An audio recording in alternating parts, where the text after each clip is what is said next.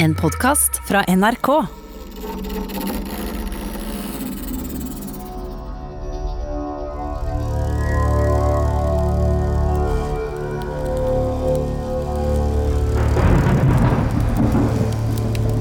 Året er 935, og stedet er en staselig hall på en kongsgård på Vestlandet. Ved et eh, kraftig trebord sitter sju-åtte karer og diskuterer. Eirik Blodøks, kongen av Norge, har møte med sine nærmeste menn. Med ett kommer det en budbringer med viktige nyheter. Kongens lillebror og rival Håkon er på vei inn Trondheimsfjorden med krigere og krigsskip. Han vil ta tronen. Rådgiverne bryter ut i bannskap og jamring og offing og hoffing. Alle sammen roper og kjefter, men ikke Eirik Blodøks. Fra kongen kommer det ikke et kvekk. Taus og med et stivt, underlig uttrykk i ansiktet reiser han seg og sier Forlat hallen, kongen vil være alene. Da alle har gått ut, tar han opp en elegant brodert rød silkepute og holder den tett foran ansiktet. Så trekker han pusten og roper inn i puta. Juhu! Yes! Yes!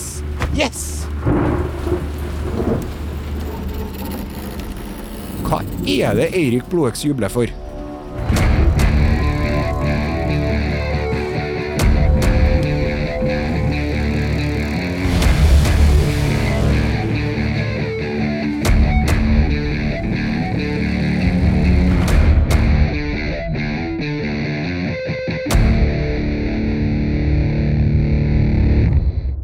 Du hører Kongerekka med Are Sende Osen. En podkastserie fra NRK om de norske kongene. Episode 2 Eirik Blodøks. Kongen som ville være kriger.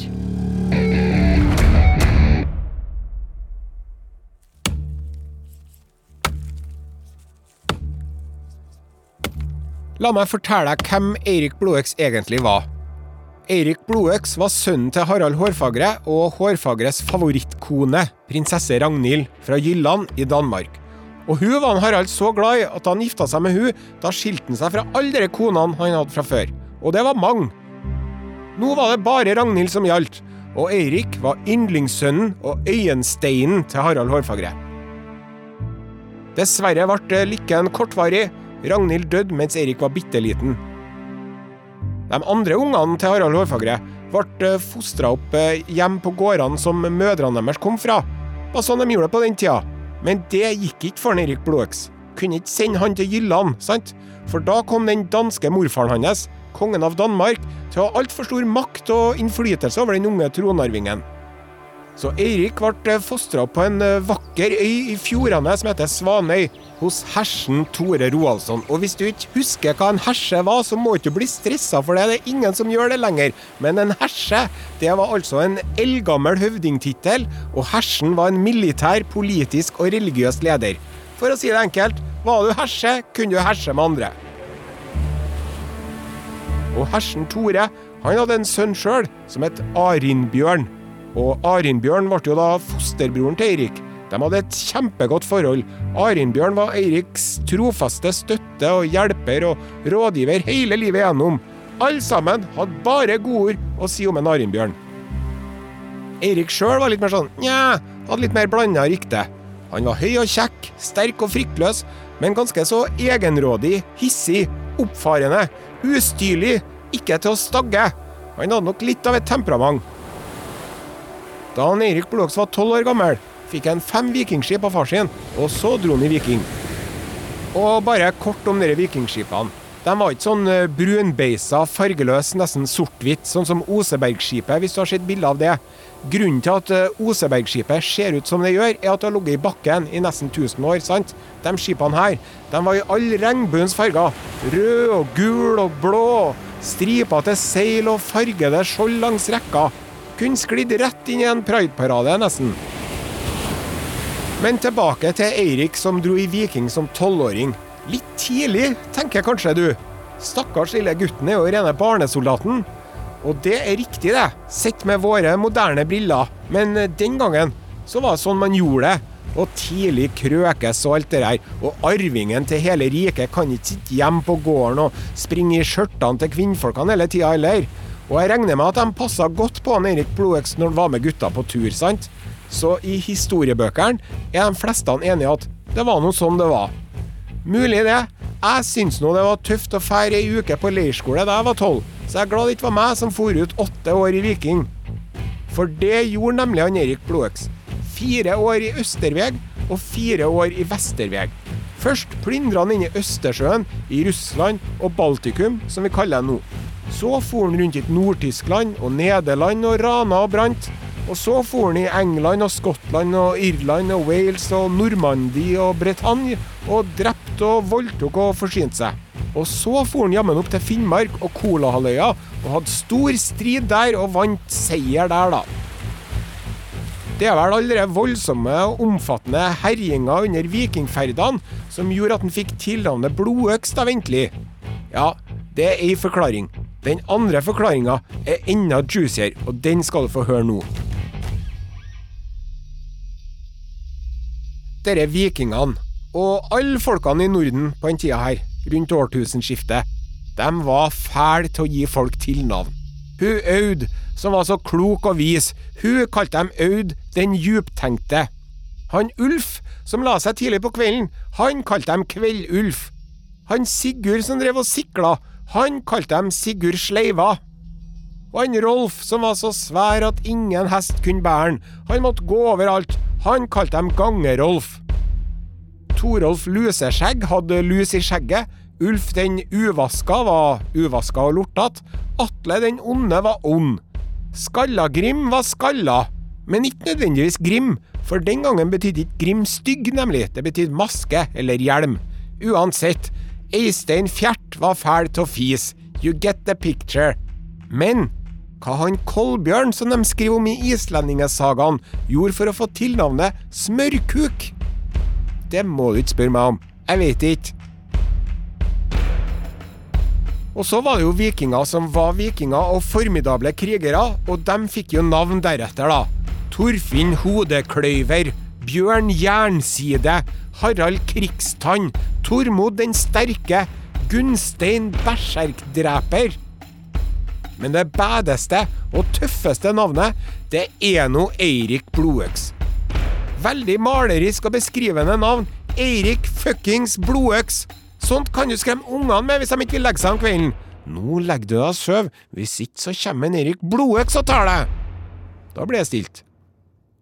Og en forklaring på at Eirik fikk tilnavnet Blodøks, er fordi at han kakka øksa si i hodet på så mange russere og baltere og engelskmenn og skotter og irer og walisere og normannere og bretannere og finner og samer og bjarmer mens han var ute i Viking. Mulig det. En plausibel og logisk forklaring. Men det er mange som mener, og jeg med, at en Eirik fikk det barske tilnavnet sitt fordi han drepte så mange av brødrene sine. Første broren han drepte, var Ragnvald Rettilbeinet. Han hadde vel veldig rette foter, han da, tydeligvis. Og han var trollmann og seidmann og kun magi. Og her snakket vi om homopati og urteavkok. Dere likte ikke Harald Hårfagre, og han ga beskjed til yndlingssønnen sin, Eirik, om å drepe bror sin.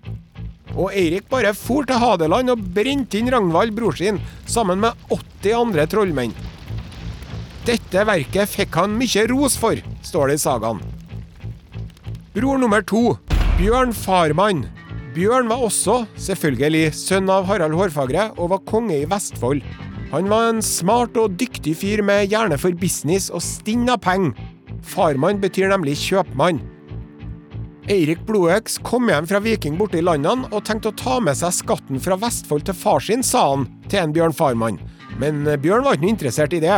Han ville levere pengene til faren sin sjøl. Og så begynte de å krangle om det. Og for å gjøre en lang historie kort, så tok en Eirik og tente på huset Bjørn sov i, og da han Bjørn kom ut av det brennende huset, så slo Eirik Blodøks bror sin rett i hjel. Og så for han hjem til far sin med masse bytte. Men folkene i Vestfold syntes ikke det var noe kult i det hele tatt.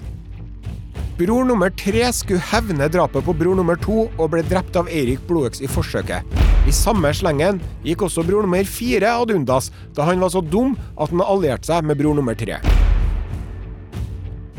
I tillegg så mener de at kona til en Eirik Blodøks tok livet av en annen bror med gift. Så litt av noe familieselskaper det må ha vært for dere folkene der.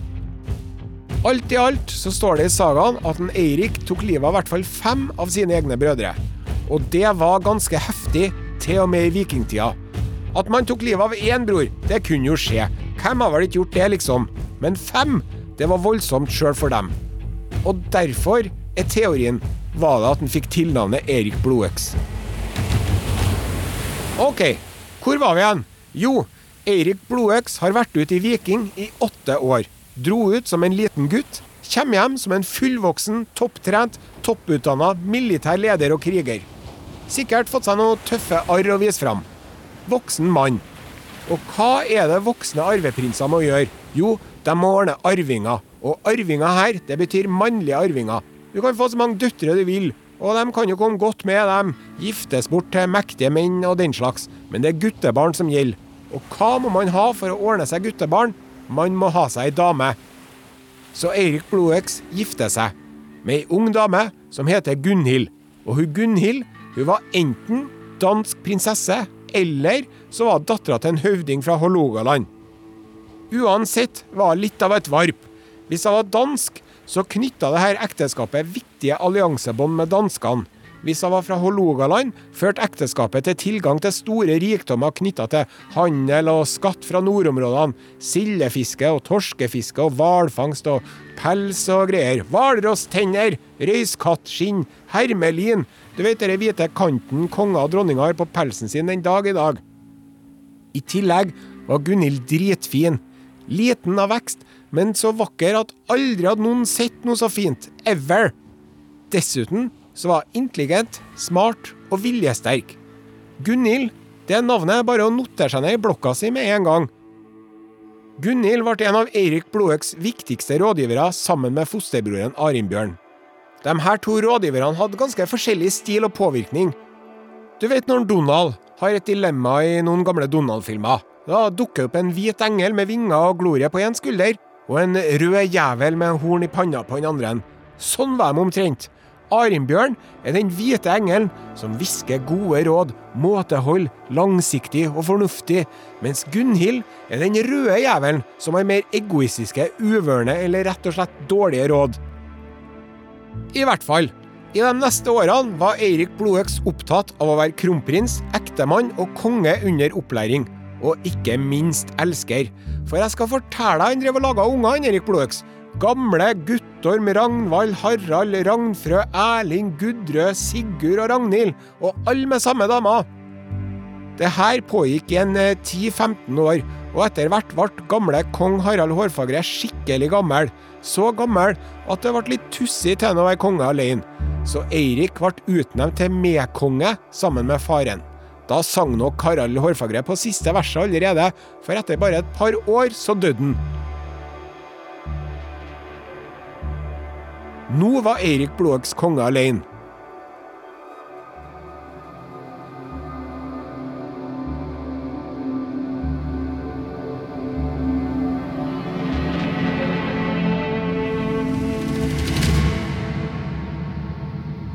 Det på tide å introdusere Eiriks dødsfiende utenom slekta. En Lex Luthor til hans Supermann. En uvenn som er like hissig og kjapp til å trekke våpen som Eirik sjøl. En formidabel stabukk og en mann som kan håndtere både øks og sverd og spyd og det som skal være. Du vil ikke møte han fyren her i Holmgang, det sier jeg deg bare. Vi snakker om Egil Skallagrimson. Og Egil Skallagrimson han fortjener en saga for seg sjøl, enda han ikke har kongsett. Og det har han også. Egil Skallagrimson saga. Den bør du lese. Riktig interessant saga når du først kommer deg gjennom de første 100 sidene av historia, uten at helten engang blir nevnt. Men sånn er dere sagaene fra den tida der. De bruker mye tid på å komme til poenget, skal etablere bakgrunn først, og det gjør de til gangs. Kan ikke snakke om en person uten å begynne med oldefaren og hvem han var, og hvem han krangla med, og greier og greier. Vi skal prøve å være litt kjappere, og begynne med bestefaren, vi, da. Bestefaren til Egil Skallagrimson het Kveldulf, og var en herse og stormann fra Sogn, som da Harald Hårfagre kom til makta, prøvde å holde seg nøytral. Han ville verken kjempe med han eller mot han. Men han lot sønnen sin, Torolf, onkelen til Egil Skallagrimson, som ikke var født ennå, gå i tjeneste hos kong Harald Hårfagre. Torolf var en fenomenal kriger, og var med i slaget ved Hafrsfjord, hvor Harald Hårfagre endelig vant over de siste fiendene sine og ble konge over hele Norge. sant? Og han Torolf han var også en dyktig høvding og handelsmann, og fikk seg etter hvert en hird som var like stor som Harald Hårfagre sin, og det her tålte jo ikke Harald, så han tok og slo i hjel Torolf. Og da tok jo selvfølgelig Kveldulf og Skallagrim, altså broren, og hevna seg ved å drepe en gjeng med folk, inkludert to av Harald Hårfagres fettere. Og etter det var det bare for Kveldulf og Skallagrim å ta kvelden og rømme landet og seile mot Island. På veien over ble Kveldulf dårlig av sårene han hadde fått i kampen mot Harald Hårfagre sine folk, så han sa nå dør jeg, og når jeg har dødd, sleng meg på sjøen, og der jeg driver i land, der skal dere bosette dere. Som sagt, så gjort. Og Skallagrim var den første som slo seg ned der. Borg heter det, på Island, den dag i dag.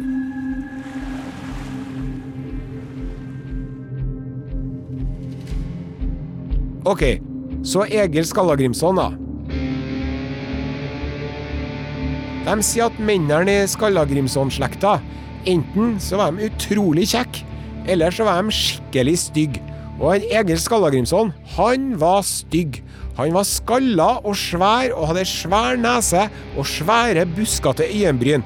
Men han var en jævel med sverdet og øksa, og modig og tøff, og en skikkelig smarting, og faktisk litt av en trollmann òg, og damebedårer, og som om ikke det var nok, så var han en skikkelig bra skall i tillegg, altså dikter. Skald. Tenk deg verdens bedeste gangsterrapper, og legg på litt.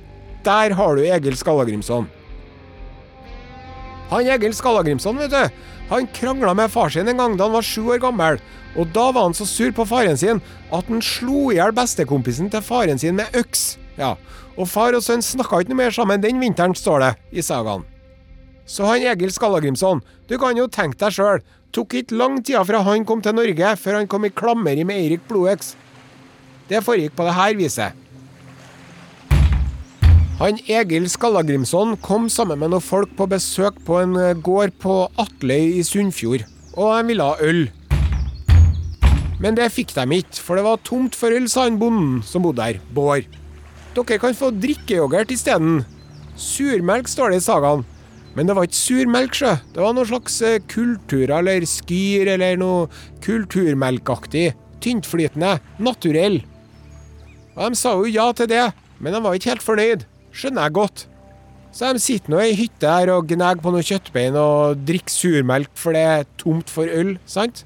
Men så kommer jo kong Eirik Blodøks med kjerringa si og crewet sitt til nabohytta på dette hyttefeltet. Og så viser det seg at bonden Bård, han har jo øl lell. Han bonden Bård har bare sagt at det er tomt for øl, fordi at han vet at kongen kommer. Og han må ha øl til kongen. Så kongen sitter og koser seg med en duggfrisk iskald en, og når han hører levende fra nabohytta, hvor de andre sitter, så sier han inviter dem inn. The more the merrier.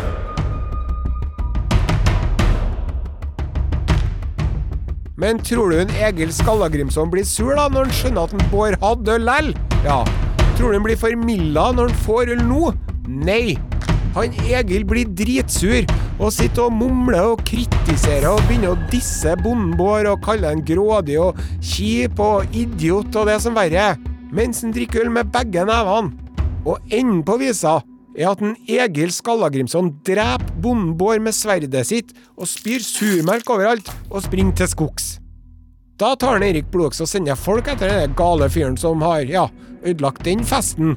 Men det var det lite vits i, for en Egil Skallagrimson han bare drepte dem han. Det her var starten på et livslangt fiendeskap, og det blir bare verre og verre, og kranglinga mellom Eirik Blodøks og Egil Skallagrimson eskalerer og eskalerer og topper seg på Gulatinget i Sogn.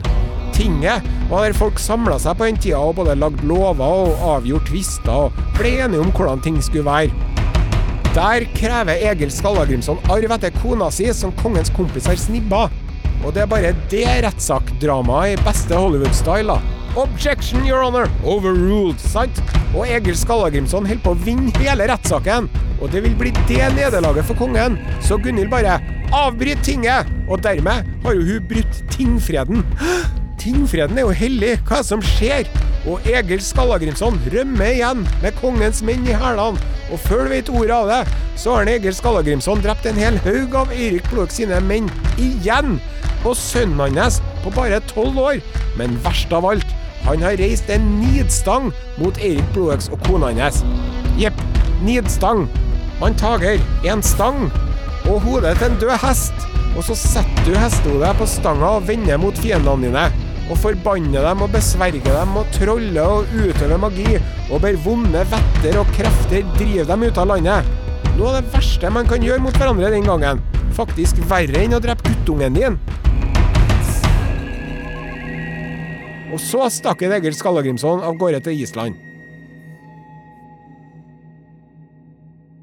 Gunhild sin oppførsel på tinget, at hun brøt eh, tingfreden, og hele Skallagrimson-gate og den forbaska nidstanga, det skapte et eh, gigantisk PR-problem for han Erik Blodøks. Han eh, begynte å bli upopulær. Men Eirik Blodøks er nå konge over hele Norge, da, slik faren har bestemt. I teorien, ja. Men du skjønner at på den tida her, så hadde egentlig alle sønnene til en konge lik rett til tronen. Det var ikke noe automatikk at den som var eldst, skulle få det. Og så brukte de å slåss om den til en hadde vunnet. Og han Erik Blodeks, han hadde jo en 12-15, kanskje så mange som 20 halvbrødre rundt omkring, som ikke automatisk godtok at Eirik skulle være sjefen. Og de var misfornøyd med den ordninga at Eirik skulle være overkonge. De ville ikke være under bror sin.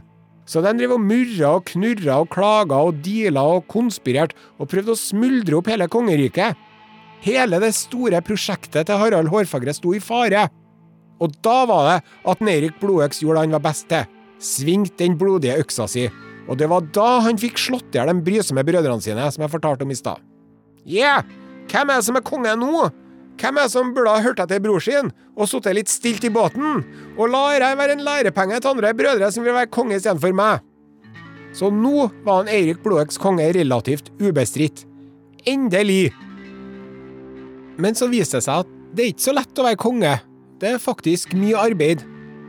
Tusen år senere skulle statsminister Per Borten påpeke at det å styre Norge var som å bære staur. Jeg tror Eirik Blodøks kjente på mye av det samme. Sjøl om han formelt sett kontrollerte hele landet, så var det nok vanskelig å få krevd inn de skattene og avgiftene han mente han hadde krav på. Og utgifter var det jo hele tida. Og et sprik mellom inntekter og utgifter. Og han var kanskje ikke best på drift, han Eirik. Og han syntes nok det var mye møter og seminarer og problemer og budsjettkomiteer og utredninger og powerpoint-forelesninger. Og han Eirik Blodøks, let's face it, han var vel egentlig ikke så interessert i økonomi og politikk og sånn. Og da er vi tilbake til at kong Eirik Blodøks av Norge har møte med sine nærmeste menn. De er en sju-åtte karer som sitter ved et bord i et såkalt langhus. Et langhus et veldig langt hus. Det er ganske høyt og bredt òg. Ni meter høyt, ni meter bredt, men veldig langt. Gjerne 50 meter, kanskje 80. Derav navnet. sant? Langhus. Det var sånne hus staselige folk bodde i Norge på midten av 900-tallet. Du kan forestille deg at noen har pussa opp låven for å ordne festlokalet. Og så er gulvet av tre, og så har de slengt noe høy utover. Og innimellom høyet ligger det spareribsrester og kålrabbiskalker og spyttgliser og rask og rot. Flotte tepper på veggene og fargerike, vakkert utskjærte stolper holder taket opp. Skinnfeller og silkeputer ligger bortover benkene. Peis og pipe har de ikke hørt om i Norge ennå, så de har et bål på gulvet og et høl i taket som litt, men ikke nok av røyken siver ut av. Litt røykfullt, rett og slett og i naborommet driver hestene og romsterer, for folk og fe bodde i samme huset på den tida her. Hele huset føles trygt og ja, erkenorsk. Så har de fått satt fram uh, surmelk og ei fruktkurv. Kongen har lyst på et glass ordentlig øl, men de er så seriøse, disse rådsmennene. Man må ha hodet klart under rådsmøtet. Skal få øl etterpå. Ta litt frukt fra fruktkurva i stedet. Eller altså frukt og frukt, fru Blom. Det er noe kålrot og noe nepe og noe epler. Banan og kiwi og druer og tørka mango og pistasjnøtter fins ikke ennå i Norge heller. Og dette rådsmøtet Åh, det varer og rekker, og det er så mye som står på programmet. De er ikke halvveis inne med dagsplanen, ennå de har vært innom eh, punkt 1, den trøblete Ladehallen, punkt 2, den trøblete Mørehallen, punkt 3, de trøblete småkongene på Opplandene som ikke har betalt skatten sin, punkt 4, den manglende Finn-skatten, punkt 5, den ulmende uroen i Viken, og punkt 6, alle kongens trøblete brødre. Kongen sukker for seg sjøl, for han vet at det neste punktet er eventuelt. Og du vet jo det du òg, at på eventuelt, da dukker det alltid opp noe jævelskap som skal diskuteres frem og tilbake, og fortrinn og bakdeler ved de forskjellige alternativene skal vurderes opp mot hverandre, og man skal veie opp kortsiktig vinning mot langsiktig effekt, og det klør litt i fingrene hans. Han sitter og fikler litt med øksa si, og han har lyst til å bruke den. Da, plutselig, en kjærkommen avbrytelse. En budbringer kommer inn med en viktig beskjed. Kongen vinker han inn, og budbringeren kremter litt før han bærer fram budskapet sitt. Herre konge, det er opprør i nord. Kongens lillebror, Håkon Adalsteinsfoster, har kommet fra England med krigere og krigsskip han har fått av den engelske kongen Adalstein. Han vil ta makta, og trønderne har allerede utropt den til konge. Og også opplandsbøndene vil bli Håkons menn. Rådet bryter ut i bannskap og jamring og offing og hoffing. Alle sammen roper og skriker. Bare kongen er taus. Kongen sender mennene ut. Når han er alene, tar han opp den røde silkeputa, holder den tett foran ansiktet, trekker pusten og roper inn i puta. Juhu! Og så gir han Erik Blodøks fra seg landet og tronen til lillebroren Håkon. Som faren sendte til England som liten guttunge for å bli fostra på den engelske kongen. Uten kamp, uten et sverdslag, bare takker for seg. Tar med seg sin nærmeste familie, sine nærmeste støttespillere, og bare fær. Hæ? Var han blitt ei pingle, eller?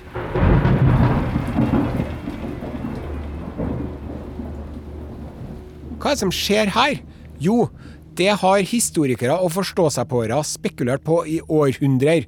Det er så gæli out of character, liksom. Hva er det som gjør at Eirik fuckings Blodøks bare stikker av uten å kakke av et eneste hode? Jeg tror jeg tror at en Eirik Blodøks ble kjempeletta da lillebroren dukka opp fra England. Jeg tror ikke at Eirik Blodøks så på Håkon som en konkurrent eller fiende. Jeg tror Eirik Blodøks så på Håkon som en redningsmann, en avløser, en som kunne ta stafettpinnen videre. Jeg tror at Eirik Blodøks under årene som konge, alene, forsto at han ikke passa til å være konge av Norge. At endeløse rådsmøter, budsjettplaner, politiske hestehandler og bæring av staur, at det ikke passa for han at Eiriks største mål var å videreføre faren sitt store prosjekt og holde Norge samla som ett rike, og at han skjønte at han sjøl kanskje holdt på å fucke det opp. At lillebroren kanskje var den som kunne videreføre Harald Hårfagres visjon og arv. Jeg tror at en Eirik tenkte at Harald Hårfagre hadde sendt Håkon til England for å ha en backup-plan, hvis det skulle skjære seg for en Eirik. For det hadde jo gjort. Eirik og Gunhilds harde og voldelige styre hadde gjort dem skikkelig upopulære. Og så tror jeg at Eirik tenkte at hvis jeg skal være på den måten, kan jeg være det samme. Da kan jeg gjøre det jeg best til, nemlig å bruke øksa mi. Jeg tror at det var her at en Eirik Blodøks forsto hvem han var. Jeg tror at han skjønte at jeg er blodøks. Jeg er den jeg er. Jeg endrer meg ikke. Da må jeg endre det rundt meg. Kom igjen, gutta. Folkens. Arinbjørn. Gunhild. Nå drar vi. Så Eirik Blodøks tar med seg pikkpakket sitt og forlater Norge. Good riddance og lykke til, Håkon. Sayonara, liksom. Snakkes. Ikke. Først for han til Orknøyene, og der kan det hende at han gifta bort dattera si, Ragnhild, til jarlen av Orknøyene. Jeg sier kan hende, for etter at en Eirik Blodøks for fra Norge, da er det rett og slett mangelfull informasjon om en Eirik Blodøks. Mangelfull og tidvis motstridende informasjon. Det man vet helt sikkert, det er at en Eirik Blodøks levde de siste 20 årene av livet sitt utenfor Norge. Og jeg tror at det var som en ny vår for en Eirik Blodøks. Nå var det slutt på kjedelige politiske møter og styre og stell. Nå var det vikingtokt og herjing og plyndring for alle pengene rundt omkring på de britiske øyene. Og det gikk så det suste, vet du. Penger og sølv og triller bare trilla inn. Og det kom godt med, for han var jo ikke akkurat stinn av gryn når han for fra Norge litt sånn i hyrten og styrten. Og så plyndra han og herja i Skottland og Irland og England. Et slags comeback, om du vil. Og en ganske klar beskjed til kongen av England òg, da. Han Adalstein, som støtta Håkon da han tok Norge, sant? E-post fra Eirik krøllalfa blodøks.com to king krøllalfa england.co.uk. Subject Var det så lurt det her egentlig, si meg? Og han kong Adalstein han tenkte jo for seg sjøl at nja, var det nå egentlig det? Herjinga til Eirik var jo en skikkelig pain in the ass for en Adalstein. I sagaen står det at kong Adalstein av England ga Eirik blodøkse tilbud. Hvis han slutta å herje i Adalsteins område, skulle Eirik få bli konge av Jorvik. Og Jorvik det er området i England som i dag heter York. Den Old York som New York er oppkalt etter. Og det her var et ganske smart trekk av en Adalstein, for hele området her var fylt av daner, som de kalte dem i England. Og daner, det var dansker, men det kunne også være nordmenn. Skandinaver, vikinger, altså folk som ligna fælt på Erik Blåkstad. Og så måtte Erik Blåkstad la seg kristne. Ja, det var nå greit, det. Det kunne han saktens være med på, men han tok ikke det så veldig alvorlig. Og så måtte han godta at lillebror Håkon var konge i Norge, og så måtte han betale litt skatt til kong Adalstein. Og ellers så var det bare å herje i vei som i en villa, så lenge han ikke herja i Adalsteins område, men i området til fiendene hans. Og Eirik Blodøks var med på alt det her. Og det her var slettes ikke noe dårlig deal for Eirik Blodøks. For det første så slapp han å krangle med 15-16 halvbrødre og Møre og Ladeala i Norge. For det andre så var det området, Nord-Timbraland, på mange måter et mye saftigere kjøttstykke enn kalde, karrige, hustrige Norge. Området han var konge over, var omtrent en femtedel av hele England. Og noen mener at en Eirik slo seg ned i restene av det gamle romerske palasset i byen York. Det er man slettes ikke sikker på, men jeg liker å forestille meg det i hvert fall, da. Tenk deg for en klassereise! Det må være noe annet enn å bo i de husene jeg bodde i Norge på den tida, som så ut som litt sånn røffe partylåver, rett og slett. Og så har de funnet penger fra den tida der, hvor det står Eirik Rex på mynten. Og det betyr at en Eirik Blodøks var den første norske kongen som slo sin egen mynt. Noe ingen konger i Norge kom til å gjøre på lang tid ennå. Vi må fire konger lenger opp i kongerekka før noen konger av Norge lager sine egne penger.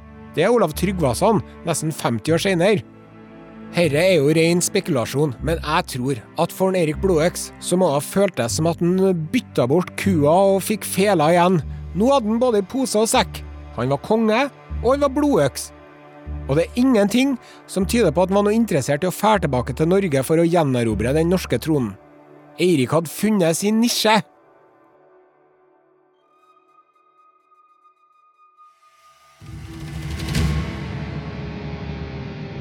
Men så dukker erkefienden Egil Skallagrimson opp igjen på uventa visitt. Du husker at en Egil hadde reist nidstang mot Eirik og Gunhild og familien deres.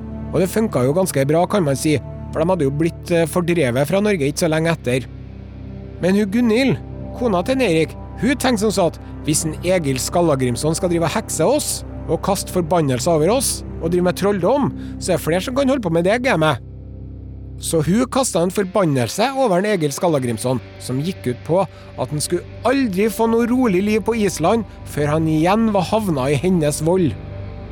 Om denne forbannelsen kom fram til en Egil eller ikke, er ikke godt å si, men i hvert fall så satt nå en Egil på Island og ble mer og mer misfornøyd, og etter et par år ordna han til skipet sitt og samla sammen et mannskap, for han tenkte seg ned til England for å hente noe greier som kongen av England skyldte han for noe kriging han Egil hadde gjort nede i England for lenge siden. Og det her er jo samme kongen av England, han Adalstein, som er fosterfaren til Håkon av Norge, og overkongen til en Erik Blodøks. Liten verden. Så Egil Skallagrimson legger i vei og seiler nedover mot England. Men langsetter den engelske kysten ble de overfalt av et så gæli uvær at de ser seg nødt til å foreta en kontrollert krasjlanding på kysten av England for ikke å gå ned med mann og mus. Skipet er totalhavarert, men mannskapet berga. Men tror du ikke de hadde krasja akkurat i det området som Egils nemesis Eirik Blodøks var konge over? Som sagt, liten verden. Og nå hadde Egil Skallagrimson to valg. Han kunne prøve å snike seg unna Eirik Blodøk sine klør og prøve å lure seg unna som en tyv i natten. Men han var ikke så interessert i det. Han mente at det var lite ærefullt for en mann av hans kaliber, og dessuten virka det som ganske dårlige odds å klare å snike seg unna på den måten. Bedre å ta tyren ved hornene. Så Egil ordna seg en hest og rei gjennom natten. Mot Jorvik, York, inn i løvens hule. Så han kom fram til York utpå kveldinga og fant ut hvor kongens rådgiver Arinbjørn var. Og han Arinbjørn, det var jo den hvite engelen på skuldra til en Erik Blodøks, husker du. Fornuftens røst. Men ikke bare var han kongens nærmeste rådgiver og fosterbror, han var også bestekompisen til en Egil Skallagrimson. Flaks. Arinbjørn får beskjed om at det står en mann stor som et troll utafor og vil snakke med han. Det er Egil som forteller hva som har skjedd, og sier 'kan ikke du hjelpe meg'? Og Arnbjørn bare 'yes, herre skal jeg ordne'. Kom, så får vi å snakke med kong Erik Blodøks. Og det gjorde de. Og Arnbjørn går inn først og sier at nå har det kommet en langveisfarende her for å møte herre konge, og det er en stor ære for dem, vis dem som en høvding for ham nå, og bla, bla, bla. Og så, når en Eirik Blodøks ser Egil Skallagrimson, det lyner ut av øynene hans, og Eirik Blodøks bare Kjem du hit, etter alt du har gjort mot meg? Husker du hvordan vi skilte sist? Du veit at det er ikke noe sjanse for at du får beholde livet ditt nå. Og Egil Skallagrimson går bort og tar kongen om foten og lirer av seg en smigrende melding om hvor kul og mektig og stor han Erik Blodøks er. Men Erik Blodøks er like morsk og bare 'Du kommer ikke levende herfra. Få ikke noe forlik til meg'. Og Gunhild står bak kongen og hopper av raseri og freser. 'Drep han! Drep han nå! Ikke hør på han! Han bare lyver og smigrer og sjarmerer. Drep han nå! Jeg vil ikke høre han, jeg vil ikke se han! Drep han!'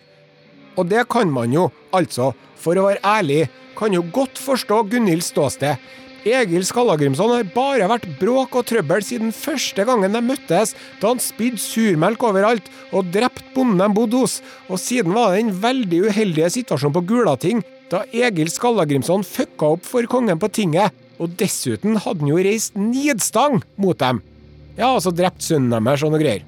Men Arimbjørn mener at det går ikke an å drepe folk om natta, det er det bare feiginger som gjør. Må vente til i morgen, herre konge, ellers så kommer du i dårlig lys. Og kongen hører faktisk etter en Arimbjørn, sjøl om Gunhild som sagt er helt vill og bare gneldrer ut 'Drep han! Drep han! Drep han! Drep han! Drep han!' Så Egil Skallagrimson skulle få leve den natta der, men kom tilbake neste dag, og da kom det ikke til å gå bra med han, var vel egentlig den generelle følelsen i kongens sal den kvelden. Men Arimbjørn hadde en plan, så han sier til en Egil Skallagrimson nå vi til meg, og så må du bare glemme å prøve å få sove i natt, for nå må du, som er så flink og dyktig en skald og dikter, nå må du dikte et lovkvad til kongens ære, med minst 20 vers, om hvor utrolig kul og herlig og vidunderlig han Erik Blodøks er. Og hvis det kvadet blir bra nok, så kanskje ikke kongen dreper deg. Og Egil sier at ja, det skal jeg prøve, men jeg hadde aldri trodd at jeg noen gang skulle dikte noe lovprisningskvad for Erik Blodøks, nei. Det hadde jeg nå ikke.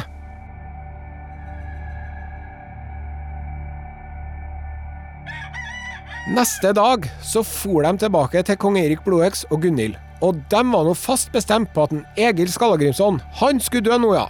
Men da sa han Arinbjørn, kongens fosterbror og trofaste rådgiver, som samtidig var Egil Skallagrimsons beste venn, han sa at om du må drepe en Egil i dag, da må du drepe meg òg, og alle minnene mine. Og det var kuet til en Egil Skallagrimson, som gikk fram, kremta en gang eller to, og begynte å deklamere det diktet han hadde skrevet den natta.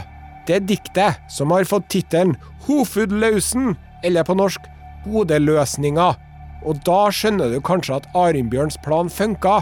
For det diktet der, det var så bra, det, at det regnes som et av høydepunktene for norrøn dikterkunst ever. Med både bokstavrim og enderim og 20 vers på åtte linjer med refreng og greier. Og etter at alle de 20 versene var sagt fram, da var det bra tyst i rommet. Og Egil Skallagrimson sto der, og kongen satt og så på han. Og så sa han Erik Blodøks at greit, det kvadet der, det var skikkelig bra. Det var så bra at du skal få slippe unna denne gangen, hel og uskadd. Men hvis jeg noen gang ser deg igjen, så er det verst for deg. Da skal jeg drepe deg. Stikk av nå, og håpe at jeg aldri ser deg igjen. Og Egil Skallagrimson var ikke vond å be, og for av sted, og med det så er han ute av sagaen om Erik Blodøks. Vi andre, vi må bare dvele litt ved det øyeblikket her. Hvor ukarakteristisk det var av en Eirik Blodøks å la en fiende få slippe unna på den måten her. Hva i all verden? Jeg skal fortelle deg hva som foregikk. Han Eirik han hadde grubla og tenkt og spekulert, og han hadde vurdert konsekvensene. Og så hadde han latt den lille hvite engelen på den ene skuldra si sitte, og så hadde han latt den lille røde jævelen på den andre fremme sin sak, og så hadde han kommet til den konklusjonen at en død Egil Skallagrimson verken ville gi han den døde sønnen hans tilbake, eller den norske tronen. Og ikke ville han ha den norske tronen heller. Og hvis prisen for å kappe hodet av Egil Skallagrimson var å miste fosterbror sin og sin trofaste rådgiver, da var den prisen for høy. Dessuten så var det skikkelig dårlig stil å drepe en så flink skald rett etter at han hadde skrevet verdens beste skaldedikt om seg. Det tok seg ikke ut. Så herre handler ikke om at Eirik var ei pingle, nå heller. Eirik Blåks var blitt voksen. Han var blitt klok. Han hadde endra seg, hvor utrolig den høres ut. Han skjønte når han skulle bruke øksa, og når han skulle la være. Han var blitt en klok blodøks. Eirik Blodøks satt altså som konge i York og herska over et stort område av Nord-England. Men hvis du tror at det var en enkel sak og en dans på roser, og at den kongemakta der gikk på autopilot, da tar du feil. For da han Adalstein av England døde, da ble det vanskelig for Eirik. Den nye kongen av England, Edmund, eller var det Åsmund? Nei, det var Edmund. Var ikke noe interessert i å ha Eirik Blodøk som underkonge, han, så han fikk jaga han bort. Og nå, nå er Eirik Blodek sitt liv skikkelig uklart. Var han konge i York i lang tid? Var han konge i York bare en liten stund? Var han konge i York flere ganger? Det er ikke godt å si. Det er ingen som vet. Men han satt nå i hvert fall ikke for seg sjøl og stura. Kanskje han dro til Orkenøyene og tok inn til dattera si, som var gift med jarlen der. Men han ble fort lei av å leke ride, ride ranke og humpetitten med barnebarna sine. Så det varte ikke lenge før han Erik Blodøks levde opp til tilnavnet sitt og for og herja viking i Irland, Wales og områdene der omkring. Klassisk herjing rundt Irskesjøen. Du vet hva de sier i Amerika. Haters gonna hate. Må nesten kunne si at blood access gonna be blood axing. Og så sa han kanskje til seg sjøl nå tror jeg jeg tar meg en sydentur. Og det gjorde han. Fort til Spania og eller Marokko, er det noen som mener. For det skal visst ha dukka opp ekstra mange blonde slaver i arabiske harem på den tida der. Og det er ikke utenkelig at det var slaver han Eirik hadde med seg fra de britiske øyer. Mens Erik Blodøks drev og kula han på playaen i Syden med borcha, sangria og litt eh, lett slavehandel, så tror jeg at han ble litt urolig. Ingen som snakka norrønt. Maten var rar og annerledes. Han Erik, han ville hjem. Men hjem for han Erik, det var ikke Norge lenger. Det var York. Eller Jorvik, da, som han kalte det. Jeg lengter hjem, jeg lengter hjem, til Jorviks jord, nynna Erik for seg sjøl. Og så pakka han sammen pikkpakket sitt og samla sammen en hær. Og han var så fornøyd med den hæren sin. Den var så stor, så mektig, så uovervinnelig. Eirik Blodøks var i toppform. Nå skulle det ordnes opp. Og så for han med den store, uovervinnelige hæren sin gjennom England og herja seg bortover mot York. Dessverre hadde den engelske kongens menn en enda større og enda mer uovervinnelig hær, som hadde lagt seg i bakhold langt ute i ingenmannsland, og bare Overraskelsesangrep! Det ble et voldsomt slag, og Eirik Blodøks og folkene hans beit godt fra seg, men hver gang de slo i hjel en engelskmann, så kom det tre nye til. Og til slutt sto Eirik Blodøks omringa utpå myra sammen med de nærmeste krigerne sine. Der ble han overmanna og drept. Da var han Eirik i 50-årene. Han hadde vært konge av Norge og konge av York, og noen mener at han hadde hatt kontroll over Orknøyene også. Ikke så mange konger som kan si det samme. En fantastisk stayer-evne, altså. Snakke om eh, comeback kid. Rocky Balboa kan bare gå hjem og legge seg. I get knocked down, but I get up again. Så det med at en Eirik liksom er pinglekongen som ga fra seg kongeriket uten kamp, det er nå en sannhet med modifikasjoner, spør du meg. Og jeg tror at jeg tror at når Eirik først skulle dø, så døde han som en lykkelig mann. Han har vært en mektig konge og kriger. Han hadde mange sønner og ei datter i tillegg. Han har vunnet stor rikdom og heder og mange slag og dødd en ærefull død i kamp. Og Norge var fortsatt samla i ett rike. Ikke med han som konge, riktignok, men under den veldig dyktige broren hans. Han Eirik Blodøks, han ga seg mens han var på topp. Og etter at han døde, så fikk hun Gunhild, kona hans, eller enka nå, da. Hun fikk en skald til å skrive et storslått hedensk minnekvad om Eirik. Og i det her kvadet sitter Odin sjøl, sjefsguden. Han sitter og venter på den største kongen av alle, Eirik Blodøks. Og Odin har henta Eirik Blodøks til Valhall, for det er bare Eirik som kan hjelpe ham mot det forferdelige monsteret Fenrisulven. Hvis man kjøper den storyen, da, så har soga om Eirik Blodøks ei skikkelig happy ending. Som en av Odins fremste krigere i Valhall. Slåssing om dagen, party om natta, svinging av øks og knusing av skaller. Tror at Eirik hadde likt den løsninga der. Blodøks i all evighet.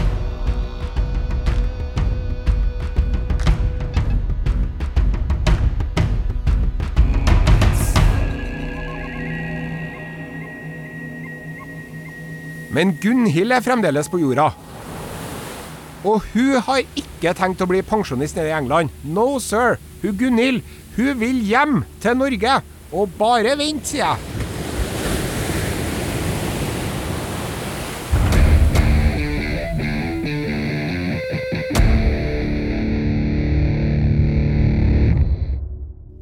Du har hørt Kongerekka, laga av Are Sende Osen og Ragnhild Sleire Øyen.